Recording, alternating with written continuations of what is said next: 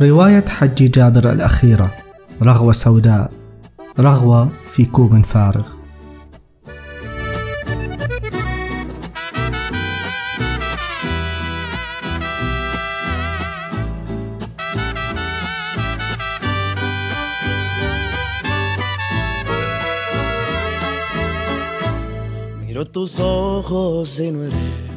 أنا حسين الضوء وهنا الكنبة الصفراء.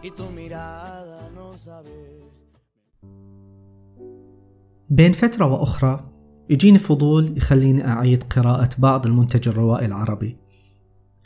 هذه المرة قادني فضولي لرواية حج جابر الأخيرة رغوة سوداء والصادرة عن دار التنوير عام 2018 سبب اختياري لحج جابر هذه المرة هو أن سبق لي وقرأت لحج جابر من قبل رواية لعبة المغزل وهي الرواية الصادرة عن المركز الثقافي العربي عام 2015 والسبب الآخر أيضا يعود للاستقبال الجيد للرواية والاحتفاء بها وتتويجها بجائزة كتارا عام 2019 لو حاولت ألخص قصة الرواية راح ألخصها في أنها قصة أدال شخصية اسمها أدال وهو مولود عبر علاقة غير شرعية في جبهات القتال في إريتريا. أبناء مثل هذه العلاقة يطلق عليهم ثمار النضال. ويتحتم عليهم العيش في مدرسة اسمها مدرسة الثورة دون انتماء على الإطلاق. القارئ من خلال هذه الرواية راح يتنقل في حياة أدال بين ثلاثة مراحل.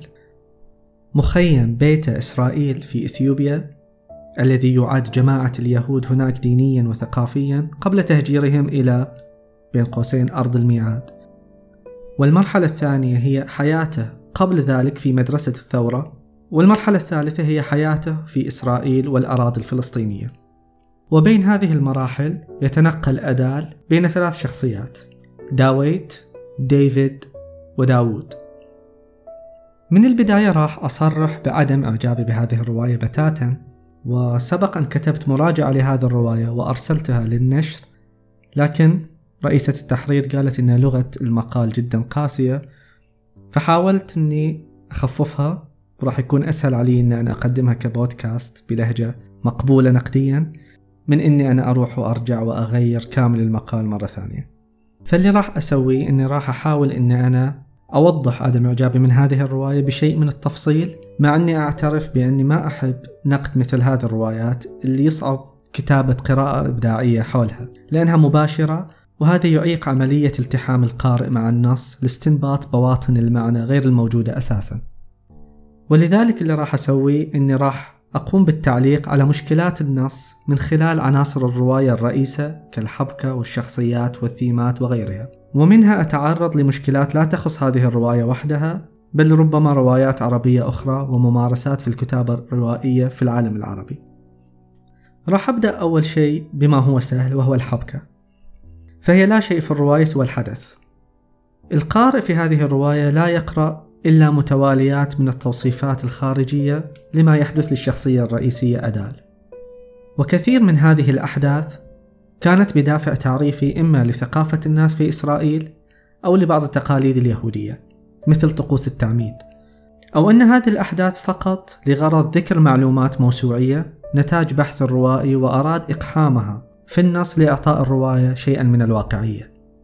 وهذه الطريقة تشير إلى الخلل المعرفي الموجود عند بعض الروائيين العرب حول مفهوم الواقع والواقعية والحقيقة. بعض الروائيين يعتقد لما يضيف أسماء شوارع أو لما يذكر تفاصيل كثيرة من الواقع المعاش هذا راح يخلي الرواية أكثر واقعية. بينما في كثير من الأحيان هذا الأسلوب المباشر في نسخ الواقع المعاش على الورق هو مخالف تماما إلى مفهوم الواقعية لأن هذه الطريقة تحول النص الروائي الأدبي الإبداعي إلى نص مفتعل وهذا يخالف ما هو واقعي. الرواية اللي نقدر نقول عليها واقعية هي تعتمد على حيلة وهذه الحيلة اللي أنا تكلمت عنها أكثر من مرة في حلقات سابقة تعتمد بشكل كبير على التغريب. الروائي يقوم بكتابة نص مخالف إلى الواقع المعاش لكن وبطريقة تحتوي على مفارقة يستطيع القارئ أن يتواصل مع هذا النص أو يجد أرضية مشتركة بينه وبين هذا النص مما يجعل هذا النص واقعيا أكثر. بمعنى آخر غرابة النص تستفز القارئ للبحث عن بواطن المعنى الموجودة فيه فيستنبط معاني هو أنتجها فبالتالي هي مرتبطة بتجربته الحياتية وبالتالي أيضا يشعر بصدق هذا النص. أما ما قام به أدال من سرد تفاصيل حياته على الشخص الأوروبي اللي قابله من أجل إعادة التوطين في دولة أوروبية أخرى فهو غير مقنع على الإطلاق. لأن لماذا يقوم لاجئ بسرد تفاصيل غرامية دقيقة لا علاقة لها بالموضوع إلى مسؤول يقوم بمهمة ذات حساسية عالية؟ السبب كما بدا لي أنها مجرد أداة غير مقنعة عشان تمنح الراوي سببا لسرد روايته. فيما يتعلق بالحبكة أيضا كانت هناك جزئية صغيرة جدا برزت بشكل خجول بحيث أنها لا ترتقي حتى أن تصنف على أنها حبكة ثانوية. وهي وجود لشخصية شابة فلسطينية طلبت مساعدة أدال في بحثها حول الحالة النفسية للاجئين عبر دراسة السلوك الجنسي من حياتهم. يعني شيء يشبه المسلسل الموجود على نتفليكس Mindhunter. يبدو أن حج جابر في ذيك الفترة كان يشاهد المسلسل وحب أنه يضيف شيء مشابه إلى في الرواية لأن هذه الجزئية في الرواية لم تتطور ولم تحفر عميقا في دواخل شخصية آدال. بما أن حبكة الرواية عبارة عن متسلسلة طويلة من الأحداث الخارجية فذلك يعني أن مساحة العمق النفسي للشخصيات يفترض أو راح نتوقع أنها تكون سطحية وغير متبلورة وهذا ما وجدته في شخصيات الرواية. جميع شخصيات الرواية باستثناء أدال كانت في غاية السطحية. حضورها اقتصر فقط على مشاهد قصيرة تعبر بشكل واضح عن خلو جميعها من الخلفية الدرامية أو اللي نسميه ال backstory. ولذلك وجودها في الرواية كان وجود ظرفي فقط ليدفع متوالية الأحداث لتستمر حكاية أدال. جميع الشخصيات تسرد حكايتها بشكل سريع في نصف صفحة تقريبا. وبشكل يخلو من التجربة الحياتية المقنعة. على سبيل المثال هناك شخصية في الرواية اسمها سابا وهي امرأة ثرية ساعدت أدال في بداية الرواية للدخول إلى مخيمات اليهود. في الرواية تشرح سابا قصتها وكيف أصبحت ثرية تمتلك فندقا فاخرا بشكل مختصر للغاية بس عشان تبرر امتلاكها لذلك المال التي أعطته لأدال وأدخله مخيم بيت إسرائيل. مثال آخر. هناك حبيبة لأدال اسمها عائشة.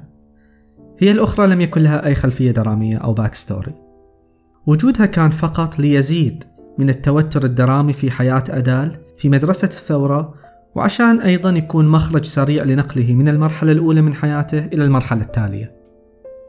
مثال أخير هناك شخصية اسمها يعقوب التقاه أدال في تل أبيب. وهذه الشخصية ليس لها وجود حقيقي على الإطلاق. هي أداة ساذجة تفتعل محادثات لا تتسق مع النص بشكل عضوي بس ليسرد الروائي معلومات مملة على لسان أدال. وهذه السطحية في الشخصيات برزت بشكل فاضح في الشخصيتين العربيتين اللي ظهروا في نهاية الرواية وهم يفتعلوا محادثة. الأول يتهم فيها الثاني بأنه إسلامي متزمت والثاني يتهم الأول بأنه شيوعي. يعني فضلا إن هذا هذه التصنيفات في حد ذاتها في غاية السطحية والابتذال إلا أيضا يبرز من خلالها سطحية هذه الشخصيات أيضا. أعتقد إن ال keyword أو الكلمة المفتاحية عشان نفهم ضحالة هذا العمل هي الوتيرة أو ال pace. الرواية تسير بشكل سريع في كل شيء. وهذا هو السبب بالإضافة إلى الأسباب الأخرى اللي خلى الرواية تظهر بهذا الشكل غير المقنع. وعلى الرغم من استخدام حج جابر لتقنية وأسلوب التشويه الزمني حيث ننتقل كقراء بشكل مبعثر زمنيا ومكانيا بين فترات حياة أدال بمعنى أننا نقرأ في فصل أدال بشخصية داوود وفي الفصل التالي بشخصية داويت بشكل مبعثر إلا أن هذه التقنية لم تساعد في إبطاء وتيرة الرواية. قد يرجع هذا التسارع إلى رغبة الروائي في تناول موضوعات كثيرة ودمجها مع بعض المعلومات الموسوعية دون وجود القدرة على الحبك المقنع أو بناء الشخصيات. وهذه المهارتين ترتكز بشكل كبير على عنصر واحد وهو الوتيرة البطيئة التي غابت عن النص. هناك أيضا مشكلة جوهرية تخص الموضوع وثيماته. نستطيع أن نلخص موضوع الرواية الرئيس بالتالي. محاولة شاب إفريقي من البشرة السوداء للنجاة وعيش حياة ليست كريمة حتى بل عادية. ومن هذا الموضوع تتفرع ثيمات الرواية حول الهوية بأشكالها الثلاث الوطنية والعرقية والدينية. بالنسبة للهوية الوطنية كثيمة كان ظهورها في الرواية هو الأضعف. ولم تبرز هذه الثيمة إلا على شكل أسئلة تكون عادة من الغرباء تخمينا للبلد الذي أتى منه أدال. أحيانا يستطيع أن يمرر نفسه كإثيوبي بكل سلاسة وأحيانا يفضحه شيء ما إما لهجته الأمهرية أو شيء آخر. وأحيانا أخرى يخمن بهوية أخرى كالسودانية. وفي كل هذه الحالات نرى انقطاع مباشر لهذه الفكرة. دون تطور يحفر عميقا في الاختلافات الثقافية بين هذه الهويات على الرغم من اشتراك بعضها في الدين والعرقية بروز الهويتين الدينية والعرقية كثيمات جاء أفضل من ذلك ولكن بأفضلية بسيطة جدا. بالنسبة للعرق حج جابر لم يتجاوز التقديم الكلاسيكي المبتذل للعنصرية. واللي ظهر عندما ذهب أدال إلى إسرائيل ورأى كيف تتجنب الممرضات والأطباء كما لو كان جرثومة تمشي على الأرض. هذا بجانب الشتائم الصريحة اللي كان يتلقاها من أناس عشوائيين مثل يا عبد. وهذه التصويرات للعنصرية في إسرائيل لا تأتي مفاجئة للقارئ أو غريبة حتى. من يعرف المجتمع الإسرائيلي يعرف التمييز المتفشي فيه. وفكرة شعب الله المختار هذه وحدها تكفي. إضافة إلى التمييز العرقي المشهور في إسرائيل بين يهود الأشكناز أصحاب البشرة البيضاء وبين يهود العرقيات الأخرى كالعرب. ففكرة أن يمارس اليهود في إسرائيل العنصرية على السود بالشكل اللي طرحته الرواية لا يقدم جديدا للقارئ لا على مستوى المعلومة ولا حتى على مستوى التجربة. يبقى أخيرا الهوية الدينية كثيمة وهي ربما الأبرز في الرواية ولكن الأكثر ابتذالا أيضا. تتمثل هذه الثيمة في تنقل أدال بين الديانات الإبراهيمية الثلاث في مراحل حياته. وهذا يعكس تبدل اسمه بين داويت وديفيد وداوود. وبما أن فلسطين هي مكان مقدس للديانات الثلاث رأينا أدال يرتبط روحيا بكنيسة القيامة والمسجد الأقصى. ورأينا كيف دس ورقة في شقوق حائط المبكى كتب فيها أمنيته وهي النجاة. ولكن لم يكن هناك الكثير من التصوير السردي لعلاقة شخص لا يفهم الكثير في الأديان ولكنه يائس ومستعد للتقرب لأي إله من هؤلاء الثلاثة لغرض الحصول على أمنيته البسيطة. لو عقدنا مقارنة بسيطة لغرض رؤية سطحية شخصية أدال، وأنا عادة ما أحب أن أقوم بمقارنة بين الروايات إلا لغرض التناص، لكن هذه المقارنة تبدو مفيدة لمعرفة الخلل. لو قمنا بمقارنة شخصية أدال بشخصية هوزي ميندوزا في رواية ساق البامبو لسعود السنعوسي لوجدنا الحفر النفسي الأعمق اللي قام بسعود في شخصية هوزي أو عيسى واللي يخوض تجربة حياتية مشابهة نوعا ما لحياة أدال. فخوزي أو عيسى لا يشعر بالانتماء الوطني ويشعر بالرفض ممن ينبغي أن ينتمي إليهم. لكن ركون هوزي للدين كمخلص روحي لمأزقه بدأ حقيقيا وواقعيا كمحاولة لحل هذا المأزق داخليا ونفسيا بعد أن فشل فيه خارجيا. في الرواية أيضا قام حج جابر بتأثيث الرواية بعبارات عبرية وذكر أسماء الشوارع في إسرائيل ولكن هذا كله لم يساهم في خلق فضاءات حميمية من الناحية الفنية للقارئ. كما أن هذا الشيء لم يساعد على رفع مستوى الإقناع والواقعية في الرواية. بل جاءت مزعجة لكثرتها. ومبرزة لخلو الرواية من مادة أدبية ثرية. هناك بعض الروائيين ينطلقون في كتابتهم الروائية من المكان بتفاصيله. نشوف هذا الشيء في روايات أمبرتو إيكو على سبيل المثال وأتوقع أني تكلمت عن هذا الشيء في الحلقة التاسعة. إيكو لا يستطيع كتابة المشهد حتى يهندس المكان بكامل تفاصيله وبدقة متناهية. وهذا الشيء في حد ذاته لا يعطي شرعية معرفية لأسلوب الكتابة هذا. ولكن يبقى أسلوب سردي تفرد به إيكو وربما يكون قد وظفه بشكل جيد في رواياته لمن يحب الغرق في تفاصيل المكان.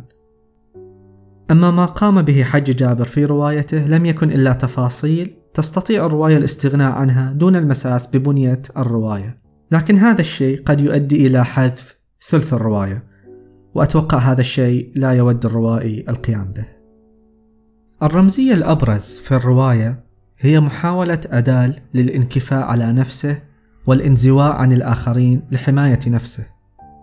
لكنه في كل مرة يرى نفسه يعود مرة أخرى إلى السطح. كلما حاول الضمور في القعر يعود ليطفو مرة أخرى. وهنا تبرز رمزية الرغوة والسوداء إشارة إلى لون بشرته.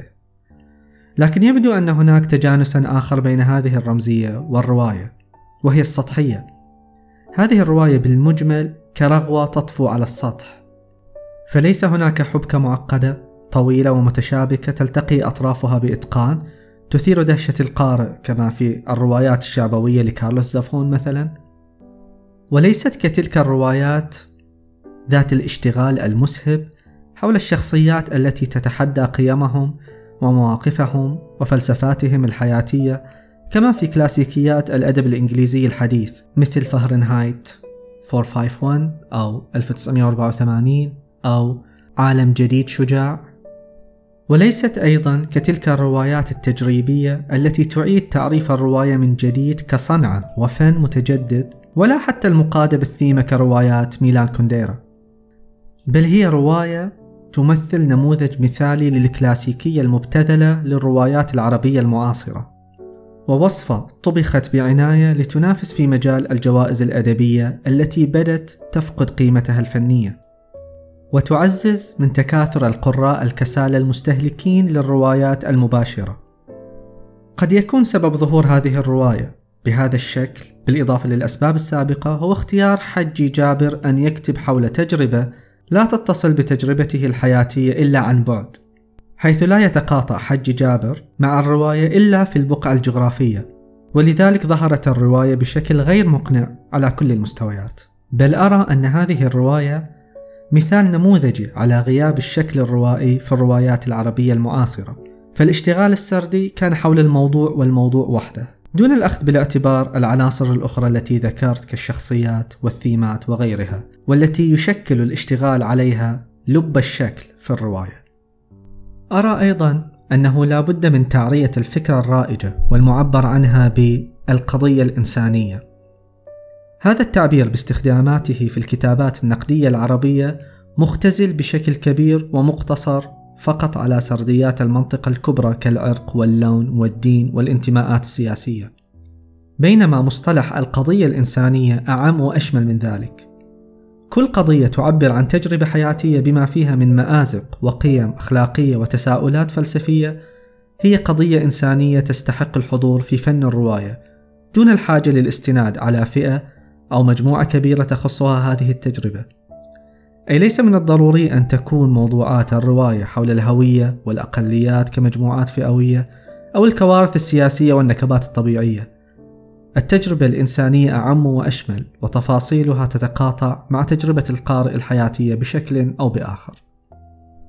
ختاما تقدم حجي جابر بالشكر لكل من ساهم في هذه الرواية سواء بالمعلومات المعرفية لعلم النفس أو التسهيلات الإجرائية للذهاب إلى فلسطين وجمع المعلومات وهنا لا أستطيع تخطي هذه الفقرة كعتبة من عتبات النص إذ تحاول أن تخادع هذه العتبة القارئ بأن النص المقدم هو نتاج بحث طويل وعمل معرفي شاق تحاول أن تستند عليه الرواية وليكون رافعة لها. وهذه إحدى إشكاليات الرواية في العالم العربي، وهي تقدير جهود الروائي عوض الخوض في تفاصيل ونقد النص ذاته، بينما لا يظهر في النص أي من نتاج هذا الجهد، بل هي وسيلة ومغالطة لفرض جودة الرواية على القارئ. أتمنى أن يعود حج جابر في روايته القادمة لأسلوبه السردي السابق كما في لعبة المغزل. فقد كان أكثر أصالة وإبداعا من الناحية الفنية على أقل تقدير. أعتقد أني أطلت في هذه الحلقة فراح أكتفي بهذا القدر. اللي عنده أسئلة أو تعليقات أو ملاحظات يستطيع التواصل معي إما عبر تويتر أو عبر الإيميل الموجود في وصف هذه الحلقة. شارك الحلقة إن أعجبتك وقم بتقييم البودكاست على أبل بودكاست لأن هذا الشيء راح يساهم في نشر البودكاست أكثر. شكرا لاستماعكم ودمتم بود.